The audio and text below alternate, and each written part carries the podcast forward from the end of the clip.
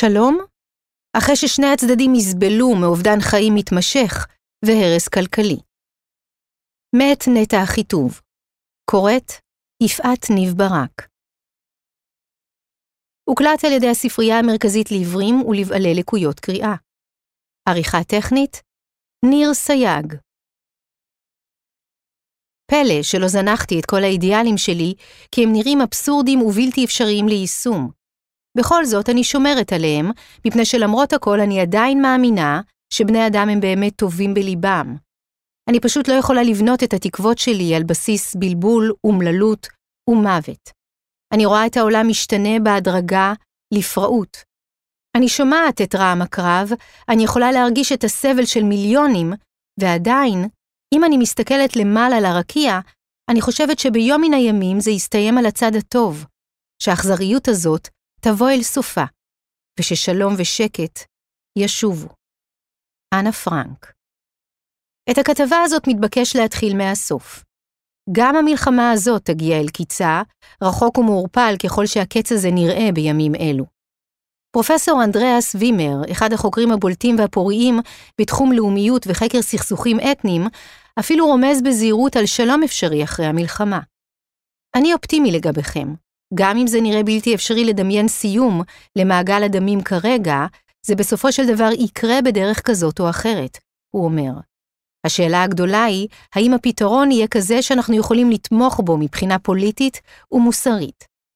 נכון שקשה בתנאים הנוכחיים להסתכל מבעד לערפל המלחמה, על נתיב שממנו מגיעים לסיום הסכסוך, אבל הספרות המחקרית מלמדת שאפשר לכונן שלום יציב גם בין צדדים מאוד מסוכסכים.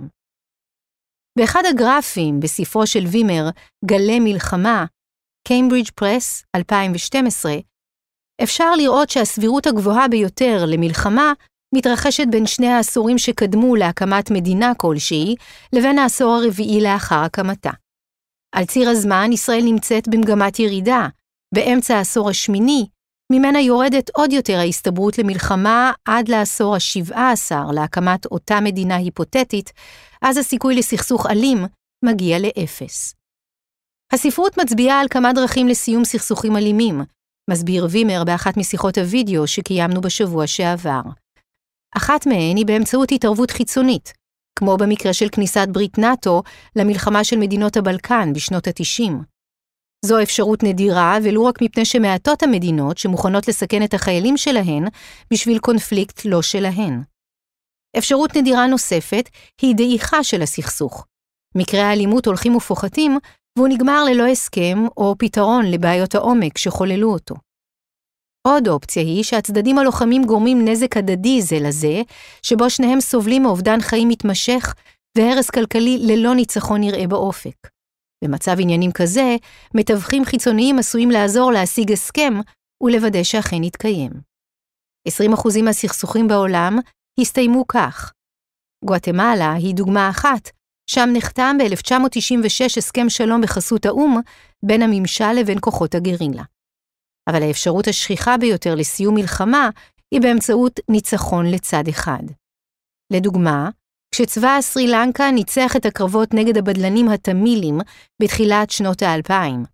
דוגמה נוספת מהעת האחרונה הוא הניצחון בספטמבר של אזרבייג'אן על הבדלנים במובלעת נגרונו קרבאח, שגרם לרבבות אנשים לעזוב את ביתם, כנראה לנצח. אבל כדי ששלום ישכון זמן רב, וכדי להימנע מסבבים חוזרים של אלימות, חובה להתייחס לשורשי הסכסוך. מתוך המחקר ההשוואתי, הסיבה העיקרית לסכסוך הישראלי-פלסטיני היא שלפלסטינים בשטחים הכבושים אין שום כוח פוליטי. הם מיעוט אפילו ללא אזרחות. הוא מפרט. הסיטואציה מייצגת צורה קיצונית של אפליה פוליטית. ההסתברות שמצב כזה יוביל לאלימות באופן כזה או אחר היא מאוד גבוהה, כפי שהמחקר ההשוואתי מראה.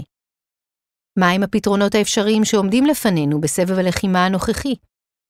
מנקודת מבט צבאית בלבד, הרעיון של ישראל לחסל ארגון טרור כמו חמאס הוא אפשרי בהחלט. יש הרבה דוגמאות בהיסטוריה שבהן נרשם ניצחון לצד אחד כנגד התקוממות חמושה. בסרי לנקה, אם נשוב לדוגמה הזאת, הממשלה ריסקה את הנמרים התמילים לחלוטין, אבל במחיר כבד לאוכלוסייה הבלתי מעורבת. במקרה של ישראל ורצועת עזה, כל העולם מסתכל. המבצע שצה"ל מבצע עכשיו נמצא תחת זכוכית מגדלת של כל העולם, ועל כל ילד עזתי שנהרג, ישראל מאבדת אלפי חברים ברחבי העולם. אני רואה את זה בארצות הברית, היכן שאני גר, בכל יום שעובר יש שחיקה בתמיכה בישראל, שהייתה מאוד גבוהה אחרי הטבח בשבת. חשוב לזכור שהכרעה מוחלטת לצד אחד מובילה לשלום בר קיימא, רק אם היא מערבת גם חלוקה של עמדות הכוח עם נציגים של המיעוט. כן, גם אם האוכלוסייה תמכה בהתקוממות. אחרי שהנמרים התמילים הובסו, קמו מפלגות פוליטיות של תמילים, שהחלו לקחת חלק בשלטון האזורי בפרובינציות הצפוניות. האם זה ריאלי שפת"ח ישלוט ברצועת עזה לאחר המלחמה, בהנחה שחמאס אכן יחוסל? הבעיה עם פת"ח היא שהארגון סובל מבעיית לגיטימיות בקרב הפלסטינים עצמם. אפשר רק לקוות שתתרחש מהפכה בתוך הארגון, שיקום שם דור חדש, וייקח את המושכות ושהוא יהיה פחות מושחת ויותר דמוקרטי מההנהגה הנוכחית. גם בצד הישראלי יש לממשלה בעיית לגיטימיות רצינית בקרב אזרחי ישראל. כדי להגיע לפתרון בר קיימא בעקבות משא ומתן, הצדדים במשא ומתן חייבים לקבל תמיכה מהאוכלוסיות שהם מייצגים, בין השאר כדי שיסכימו לקבל על עצמם ויתורים הכרחיים. ומה לגבי פתרונות בטווח הרחוק? אני לא חושב שהחזון של ארץ ישראל השלמה ותיאור הפלסטינים הוא בר השגה וגם לא יוביל לשלום בר קיימא. התיאור האתני שחלק מהאנשים בישראל מדברים עליו באופן גלוי, חלקם אפילו חברים בממשלה הנוכחית, הוא חסר התכנות היום. זה אולי היה אפשרי, או אפילו מקבל תמיכה בינלאומית, במאה ה-19 ותחילת המאה ה-20, אז רעיונות כאלה היו מקובלים, אבל לא במאה ה-21. מנקודת מבט מחקרית יש לשאוף לכך שהפלסטינים יועצמו פוליטית, כך ששורש הסכסוך יקבל מענה. לכן אני חושב שפתרון שתי המדינות, עם כל הקושי והתסבוכת של ירושלים וההתנחלויות, הוא הפתרון הכי פחות קשה להשגה והכי מבטיח לשקט ממושך. בשפת החוקרים זה מכונה חלוקה. כששניים או יותר לאומים מצויים בסכסוך, חלוקה היא פתרון של היפרדות לשתי טריטוריות או יותר, כשבכל אחת יש ריבונות לרוב אתני-לאומי אחר. ועכשיו להתחלה. גם למלחמות יש מדע. מזעזעות באופן אישי ככל שיהיו, בכל המלחמות בעולם יש דפוסים שחוזרים על עצמם, שאפשר לכמת, למדוד, לנתח ולחקור. אבל רק בתנאי שמסכימים להוציא מהדיון את נקודת המבט הרגשית ואת הרובד המוסרי, או כפי שווימר מנסח זאת, לעסוק רק בעובדות עם מינימום פרשנות. זו משימה לא קלה, אבל יש לה תמורה. בזכות הדיסציפלינה שנקראת חקר סכסוכים, אפשר לומר היום משפטים כגון אלה. עד מלחמת העולם השנייה, החלוקה של אימפריות לסדרת מדינות לאום, בשילוב של תיאור אתני, הייתה הדרך השכיחה ביותר להשגת שקט אחרי מלחמות אתנו-לאומיות. וימר והסטודנטים שלו אוספים ומארגנים מערכי נתונים מתקופות זמן ממושכות שמכסות את מרבית העולם, וחוצבים מתוכם דפוסים והבנות הסתברותיות. במילים אחרות, מתוך הנתונים הכמותיים האדירים שאספו וניתחו, אפשר לראות כיצד התרחשויות מסוימות בתנאים מסוימים יותר סבירות מאחרות, מה שמאפשר להסיק מסקנות מהסוג הזה. מאז מלחמת העולם השנייה, ירד שיעור מלחמות הכיבוש של טריטוריות כמעט לאפס. מסוף המאה ה-20 ועד היום, כ-75% מהמלחמות בעולם קשורות בתנועות לאומיות ששואפות להקים מדינת לאום נפרדת, או במאבקים בין קבוצות אתניות שונות על כוח פוליטי במדינות שכבר הוקמו. 40% מהמדינות בעולם הפכו למדינה עצמאית רק אחרי שעברו מלחמה. 25% מהמדינות הקיימות כיום חוו לפחות מלחמה אתנו-פוליטית אחת מאז הקמתן, רובן חוו יותר, כמו למשל בורמה, סוריה, טורקיה, עיראק, סודאן, תאילנד, ישראל ועוד. כאשר במדינה מסוימת המיעוטים מופלים לרעה ונדחקים מהקואליציה, עולה הסיכוי לסכסוך אלים מ-6% ל-32%, והסיכוי שיפעלו בארגוני טרור עולה ב-25%, וכן הלאה. וימר מגיע במקור משוויץ. הוא סוציולוג וחוקר מדעי המדינה שעובד באוניברסיטת קולומביה בניו יורק. ספרו "גלים של מלחמה" הפך לאורים והתומים של תחום הידע הזה. שש שנים לאחר מכן פרסם ספר נוסף, שגם הוא היכה גלים באקדמיה ומחוצה לה, שכותרתו בניית אומה, הוצאת פרינסטון 2018. אנדריאס הוא אגדה בתחום. אין חוקר שמשתווה לו בהיקף של היכולות ההשוואתיות, הן מבחינת סוג הסכסוכים והיקף האזורים שבדק, והן מבחינת ציר הזמן. אומרת עליו דוקטור רונית לוין סנור, חוקרת משפטים מאוניברסיטת רייכמן, ומי שהקימה יחד עם פרופסור דפנה יואל, חוקרת מוח מאוניברסיטת תל אביב, את פורום היום שאחרי המלחמה, שקם בעקבות רצון לסמן מטרות למלחמה. לפני שבועיים העניק וימר הרצאה מקוונת מרתקת במסגרת סדרת ההרצאות השבועית של הפורום. הזמנו אותו להרצות לפני קהל ישראלי רחב, מפני שהוא מאפשר הסתכלות מחקרית על הסכסוך שאנחנו שקועים בתוכו, מסבירה לוין סנור. מה שלמדתי מווימר זה שלצערנו הסכסוך שלנו עושה צ'ק על כל הנקודות הבעייתיות ביותר. הוא גם סכסוך טריטוריה, גם על עצמאות. הוא גולל דת משני הצדדים וטרור ג'יהאדיסטי איסלאמיסטי. והוא גם משקף סכסוך גלובלי בין ציר ארצות הברית מערב לבין ציר רוסיה-איראן. על פי המחקר של וימר, אחד הנתונים שחוזים הכי טוב אם מתקיים סכסוך במקום מסוים, הוא השאלה אם היה שם בעבר סכסוך. במילים אחרות, לסכסוכים אלימים יש נטייה להתרחש שוב ושוב. לחזרתיות הזאת יש כמה סיבות. האחת היא שאלימות מובילה להיעדר עירוב בין הקבוצות המסוכסכות, בין אם באופן ספונטני ובין אם מכוון מלמעלה. מה שמוביל לפחות חשיפה לקבוצה השנייה ולהגברת הסטריאוטיפיות של האחר. סיבה נוספת היא שאלימות מובילה לדה-הומניזציה ולהכפשה של האחר, מה שמגדיל את הסיכוי להיתכנות של סכסוך אלים נוסף. גורם שלישי, רלוונטי מאוד לסכסוך הישראלי-פלסטיני, הוא שבסכסוך ממושך לעתים קרובות הצד התוקף עשוי לתפוס את התקיפה שלו כפעולת מנע, ולא כהתקפה, מה שמוביל למעגל בלתי פוסק של אלימות, שבו תקיפה מקבלת פרשנות של הגנה, ולהפך. אבל וימר מבקש לומר שחרב ספירלת הדמים הטראגית הזאת, שום סכסוך לא נמשך לנצח. והוא מפרט. במהלך 200 השנים האחרונות נרשמו שלושה דפוסים שבהם סכסוכים אתנו-פוליטיים הגיעו לסיומם. אלו בעצם דרכים שונות שבהן השאיפה הלאומית לריבונות עצמית מושגת עבור רוב האנשים, וההדרה הפוליטית מגיעה לסיומה. הדרך הראשונה היא לחלוק את עמדות הכוח, כלומר לבנות קואליציה שלטונית מכילה, הכוללת רוב ומיעוטים כאחד. הדרך השנייה היא באמצעות חלוקת שטח, כלומר לתת לכל קבוצה מדינה משל עצמה, שבה היא מייצגת את הרוב הדומיננטי. הדרך השלישית היא באמצעות תיאורים אתניים אלימים או לא אלימים, מה שיוצר דפוסים ברורים של דומיננטיות דמוגרפית. בדרך כלל, אוכלוסיית המגורשים נטמעת באוכלוסייה של מדינה שכנה, שבה הם מהווים את הרוב. רואים גם שילוב של שלוש הדרכים, ובעיקר את השילוב של חלוקה למדינות עם תיאור אתני. תיאור אתני נשמע נורא, אפילו כשמדברים בשפה מחקרית, קשה להעלות את המושג על השפתיים. חשוב להבחין בין הסבר לבין הצדקה. אלה דרכים נפרדות להשתמש במוח שלנו. בתחום שלנו, דיבור על גורמים והשלכות של תיאור אתני לא אומר בשום אופן שאנחנו מצדיקים את זה. אנחנו חייבים לשמור על הבחנה ברורה. אם אני אומר שהרבה קונפליקטים בהיסטוריה הסתיימו באמצעות היפרדות ותיאור אתני, זה לא אומר שאני סבור שזה דבר טוב בשום צורה, זו רק עובדה היסטורית. כפי שמדענים מסבירים על מחלה מסוימת, וזה לא אומר שהם מעודדים אותה. משזה הובהר, אפשר לעבור לדבר על המונח עצמו.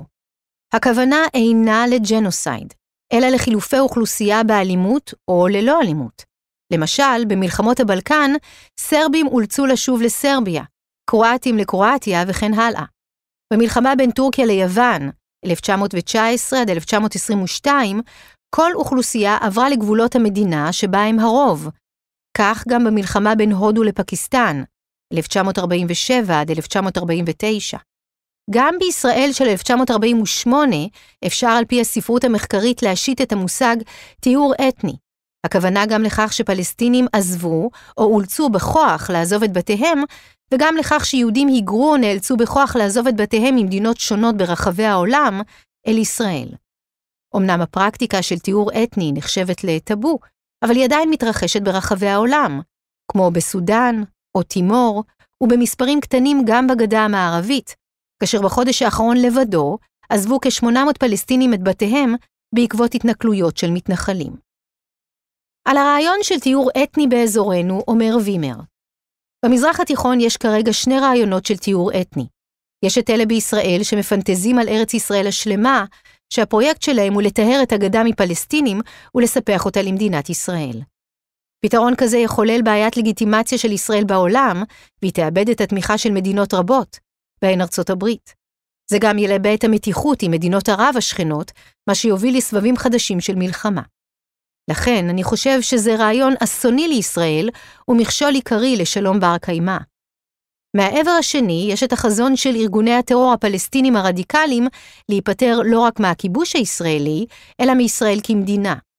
זו אידיאולוגיה רדיקלית של טיהור אתני. זה לא מתקבל על הדעת, גם לא מנקודת מבט מוסרית וגם לא מבחינה צבאית ופוליטית, לאור כוחה הצבאי של ישראל והבריתות שלה עם אירופה וארצות הברית.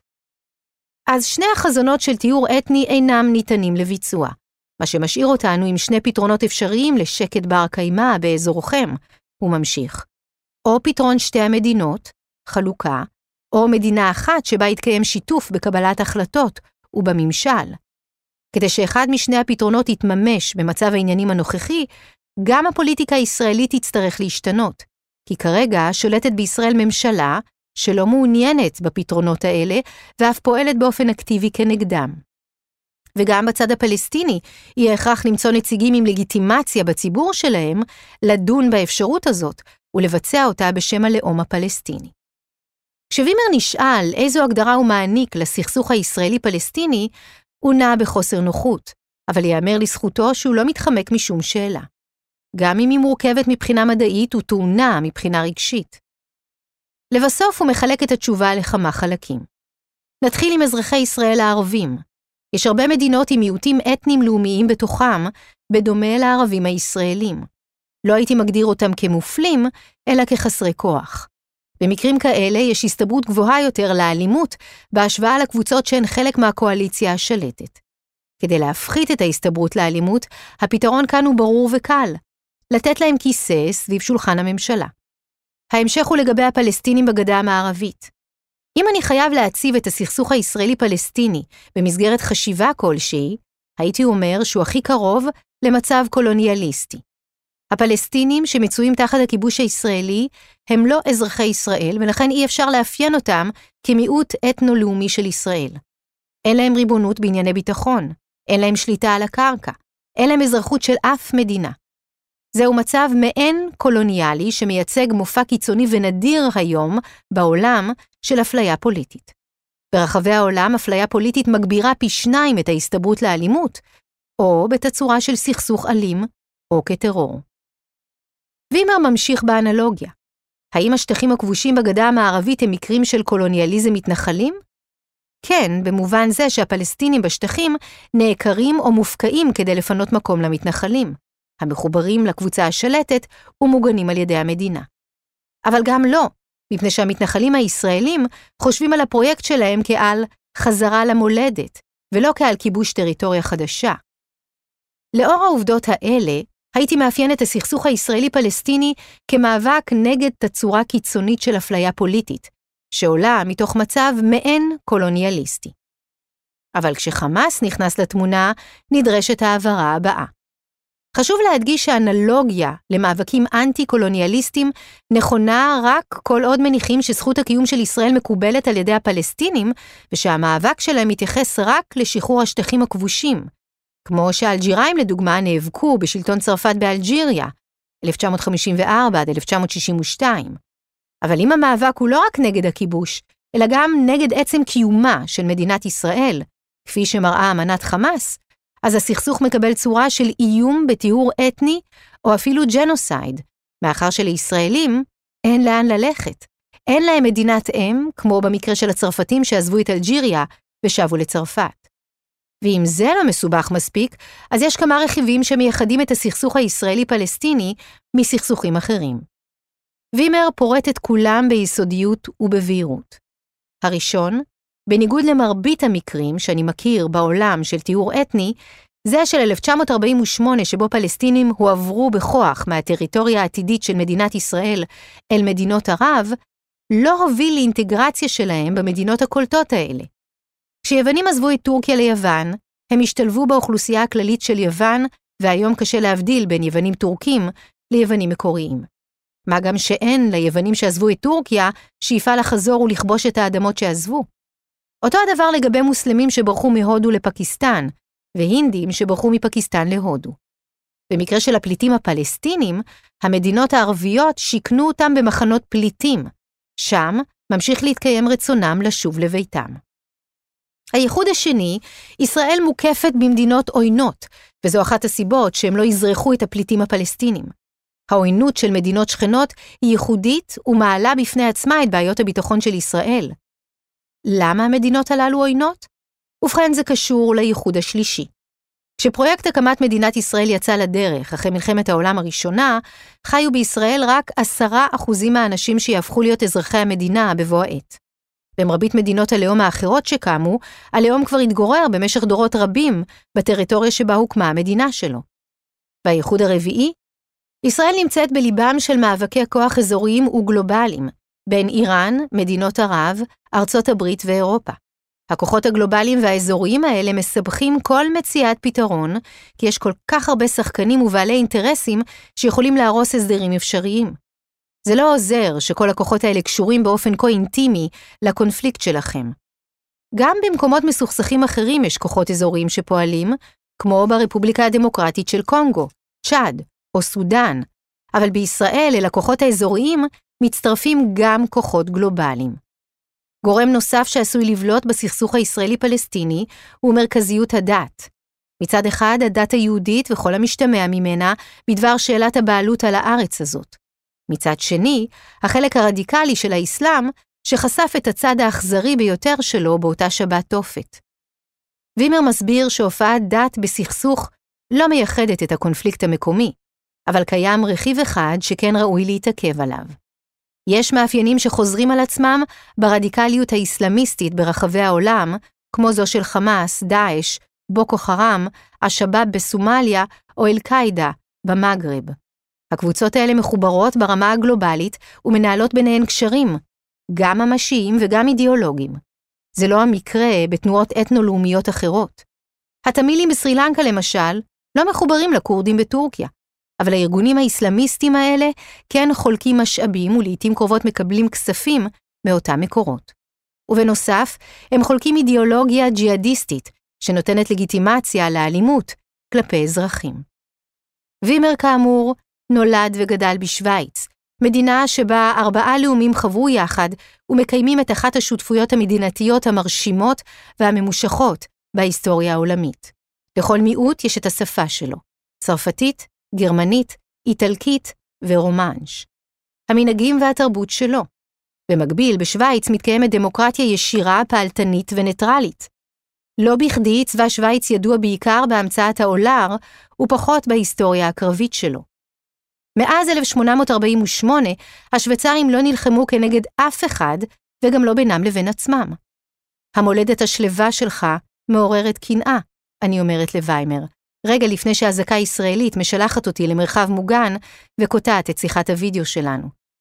המקרה השוויצרי מצליח כי מההתחלה הייתה הסכמה בלתי פורמלית בין כל הקבוצות בשוויץ לחלוק את המשילות ולקבל כיסא בשולחן הממשלה.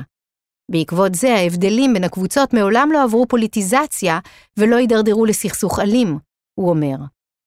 בקרוב אצלנו? בימים אלו אסתפק גם בתקווה שברחוק אצלנו.